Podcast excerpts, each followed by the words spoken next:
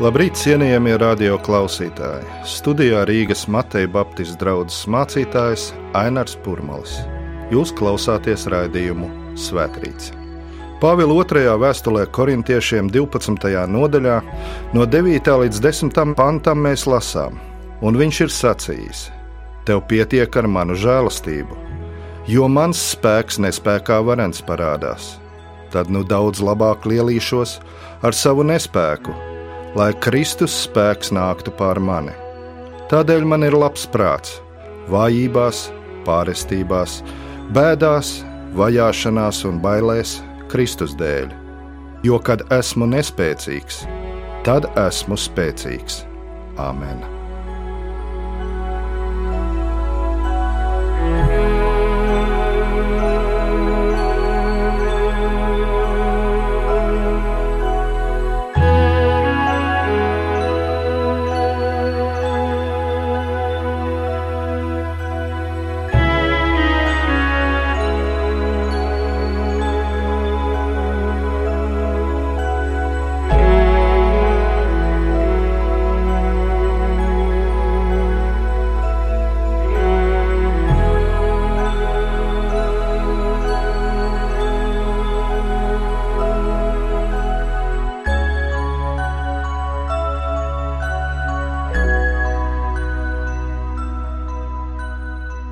Atkal klāt ir jauns gads, un parasti cilvēki jauno gadu vēlas iesākt ar kādu pozitīvu apņemšanos un cēliem mērķiem. Tieši tāpat kā biznesā, arī personīgajā, arī draudzes dzīvē, mēs vairāk vai mazāk veicam gada pārskatu un rezultātu analīzi, un vienmēr atrodas kaut kas, ko mēs vēlētos mainīt vai uzlabot nākamajā gadā, kaut kas, no kā mēs vēlētos atteikties turpmāk. Un parasti Pēc šāda audita mēs arī mēģinām kādas lietas tuvākajā nākotnē mainīt un nospraust jaunus mērķus. Bet visbiežāk, kaut kā nemanot, mūsu dzīves vilciens agrāk vai vēlāk atkal aiziet vecajās sliedēs. Un tā no gada uz gadu mēs pieļaujam un atkārtojam gandrīz vienas un tās pašas kļūdas, un piedzīvojam atkal no jauna tās pašas neveiksmes Kāpēc tā? Atbilde patiesībā ir pavisam vienkārša. Mēs domājam, mēs analizējam, mēs nospraužam, mēs realizējam, un rezultātā mēs piedzīvojam neveiksmes. Šodien dzirdot par to, cik liels uzsvars tiek likts uz finanšu piesaisti mērķu izvirzīšanu un realizēšanu arī kristiešu un draugu dzīvē, rodas pamatots jautājums, cik no mūsu projektiem, mērķiem un vīzijām ir saskaņoti ar Dievu. Mēs brīnāmies, ka ir lietas, kas mūsu dzīvē nemainās, vai vēl sliktāk pasliktinās, un paskatoties, kas nemainās vai pasliktinās, tad redzam, ka tās ir lietas, kuras bez dieva iejaukšanās un palīdzības vienkārši nav iespējams atrisināt. Vai mums ir drosme atzīties, ka paši nespējam tikt galā ar daudzām lietām savā dzīvē? Vai atzīstam, ka mums ir vajadzīga palīdzība? Es esmu neskaitāmas reizes runājis ar cilvēkiem, kuru dzīves acīm redzot sabrūk visu acu priekšā. Un iemesls, kāpēc nekas nemainās šo cilvēku dzīvēs, ir tas, ka mēs nespējam atzīt savu nespēku atrisināt šīs problēmas, un nevēlamies atzīt dieva spēju tikt galā ar tām. Gan es pats kaut kā tikšu galā. Es to varu, es zinu, es to varu. Un dievam nekas cits neatliek, kā caur cilvēku neveiksmēm vai pat pilnīgu izgāšanos, piespiest cilvēku atzīt savu bezspēcību. Bieži vien tā ir vienīgā iespēja, kā Dievs var ar mums komunicēt. Jo kamēr vien savā spēkā mēs spējam kādas lietas darīt, bez Dieva mēs tīri labi iztiekam. Nav jau tā, ka mēs nelūdzam Dievu. Jautājums, kā mēs lūdzam un ko?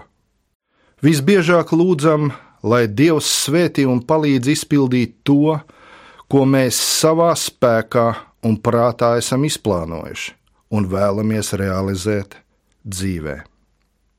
Mums to ir grūti saprast, bet Dievam ļoti patīk cilvēka atkarība un bezspēcība viņa priekšā.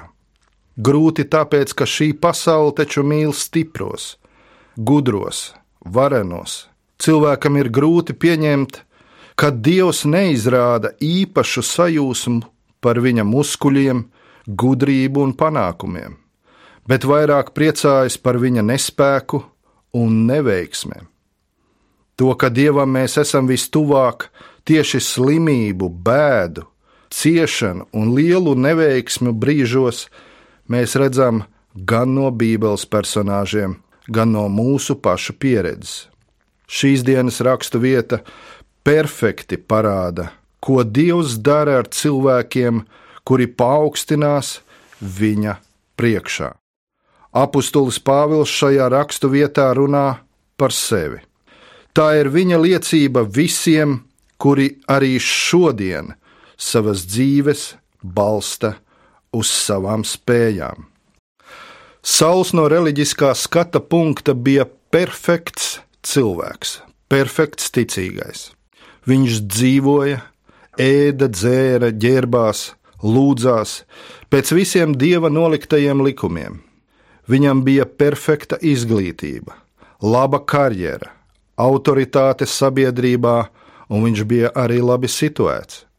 Saula dzīve bija piemērs daudziem cilvēkiem, arī ticīgiem. Vienīgais, kurš viņu nenovērtēja, bija Jēzus, jo Saula dzīve aizritēja viņa paša gudrībā, spēkā un pēc viņa plāniem. Un vienā dienā šī perfektā, ticīgā cilvēka dzīve sabrūk pašos pamatos, jo izrādās, ka dzīvā dieva vietā viņš bija nolicis pats sevi. Saul, Saul, kāpēc tu mani vajā? Vai varbūt lielāka vilšanās? Es gribētu sacīt, traģēdija, ja ticīgs cilvēks, it kā uzticīgi kalpojot dievam, pēkšņi saprot, ka Dievs viņā ir smagi vīlies. Bet lasot apakstuļa Pāvila liecību, mēs saprotam, ka šis traģiskais piedzīvojums uz Damaskas ceļa bija vienīgais veids, kā Dievs varēja Saulam atvērt viņa acis, vispirms padarot viņu aklu, lai pēcāk viņš kļūtu redzīgs un ieraudzītu, ka Dieva spēks patiesībā parādās tieši saula nespēkā. Lasot apakstuļu darbus un Pāvila vēstules, mēs redzam, ka Pāvila sludināšanā Kristus visvairāk tika pagodināts reizēs, kad Pāvils sludināja bailēs, nespējā un nedrošībā. Tāpat vecajā derībā, piemēram, mūzu dieva spēks vispilgtāk parādījās reizēs, kad mūzus cilvēcīgie spēki bija izsmelti. Dieva spēks un pilnība parādījās caur šiem vīriem brīdī, kad viņi bija vislielākajā bezspēkā. Bet nespēkam, tāpat kā stresam, ir divi virzieni. Viens ved uz iznīcību, otrs uz attīstību. Dievs neaplaimos mūs ar savu spēku, ja mūsu nespēks būs slinkuma un gļēvulības rezultāts. Ļoti bieži pamatojoties uz šo rakstu vietu, cilvēki savu slinkumu un bezdarbību pamato ar dieva prātu. Nespēks, kurš izriet no mūsu gļēvulības, slinkuma un nevēlēšanās uzņemties atbildību, dievam nav tīkams. Es domāju, ka nevienam no mums nav sveši nespēka brīži, kad kājas un rokas trīc, kad cilvēcīgais nespēks ņem virsroku pār dieva prātu. Katru reizi, kad Dievs mūs aicina sekot Viņam, kalpot un dzīvot pēc Viņa prāta, tad rokas un kājas kļūst ļenganas un mīkstas, bet Dievs jau negaida no mums cilvēcisku drosmi un spēku.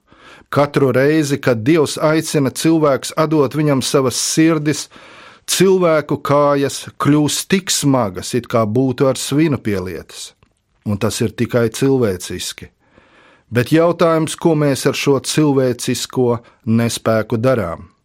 Vai sākam gausties un padoties, vai ļaujam, lai Dieva spēks pagodinās mūsu nespējā un lieto mūsu savām vajadzībām? Nespēja uzņemties atbildību un sekot Dievam brīžos, kad Viņš mūs aicina, nedara mums godu, un arī Dieva svētību mēs par to nesaņemsim. Tādā veidā tie pirmie kļūst par pēdējiem un pēdējie par pirmiem. Bībelē ir daudz piemēru, kuros redzams, kā Dievs lieto nepilnīgus un vienkāršus cilvēkus, lai viņi paveiktu neparastas lietas. Mācība, ka Dievam var kalpot tikai perfekti un ideāli cilvēki, pašos pamatos ir lemta neveiksmē jo neviens no lielajiem dieva vīriem nav bijis ideāls. Tas ir pretrunā ar dievu vārdu, bet tas ir liels iedrošinājums mums visiem. Jāapzināmies, ka Dievs savā darbā arī šodien lieto nepilnīgus cilvēkus. Atzīsimies, ka esam nepilnīgi, neizliksimies, kā ar mums viss ir kārtībā, un Dievs varēs sākt mūs lietot savas valstības darbam, un mēs sapratīsim, ka Dieva spēks mūsu nespējā varens parādās. Lai Dievs mūs visus šajā rītā svētī. Āmen!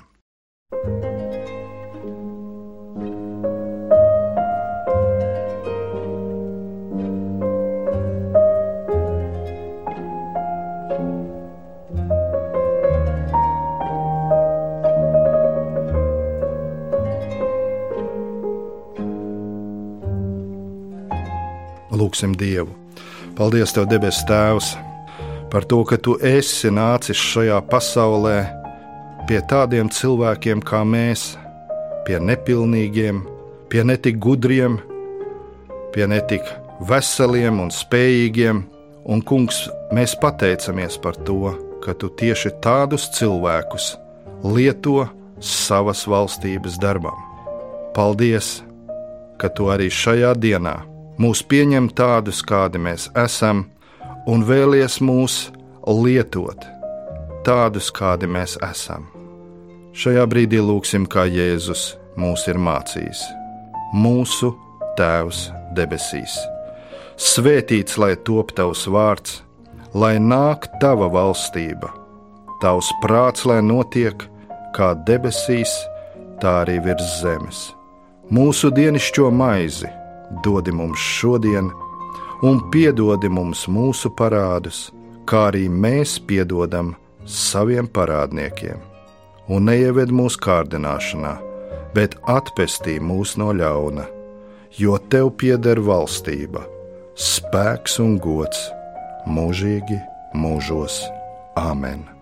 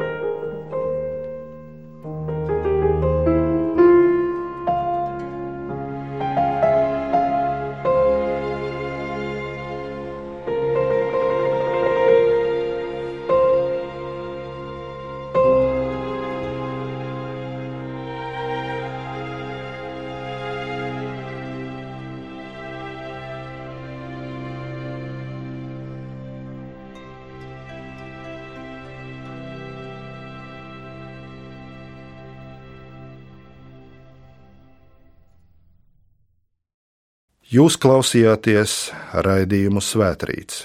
Studijā bija mācītājs Ainārs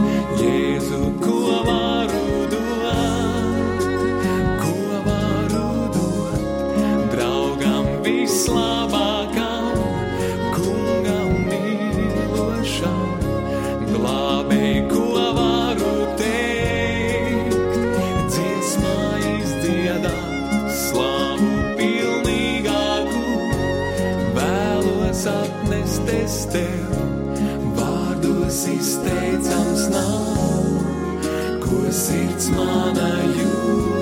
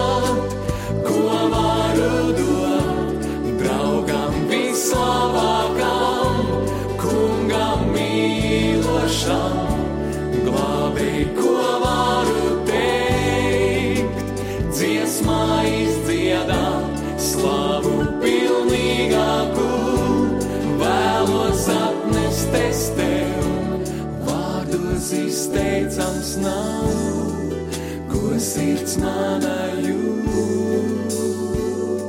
Savu pateicību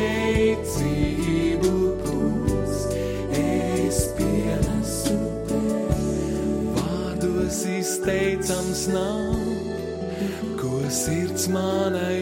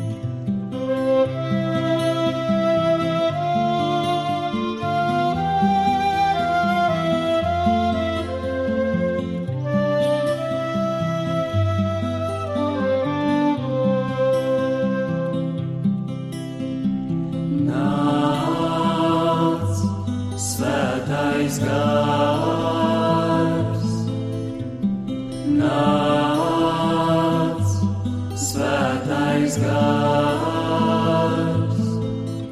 mēs lūdzam nāc, nāc pildī mūsu sirds.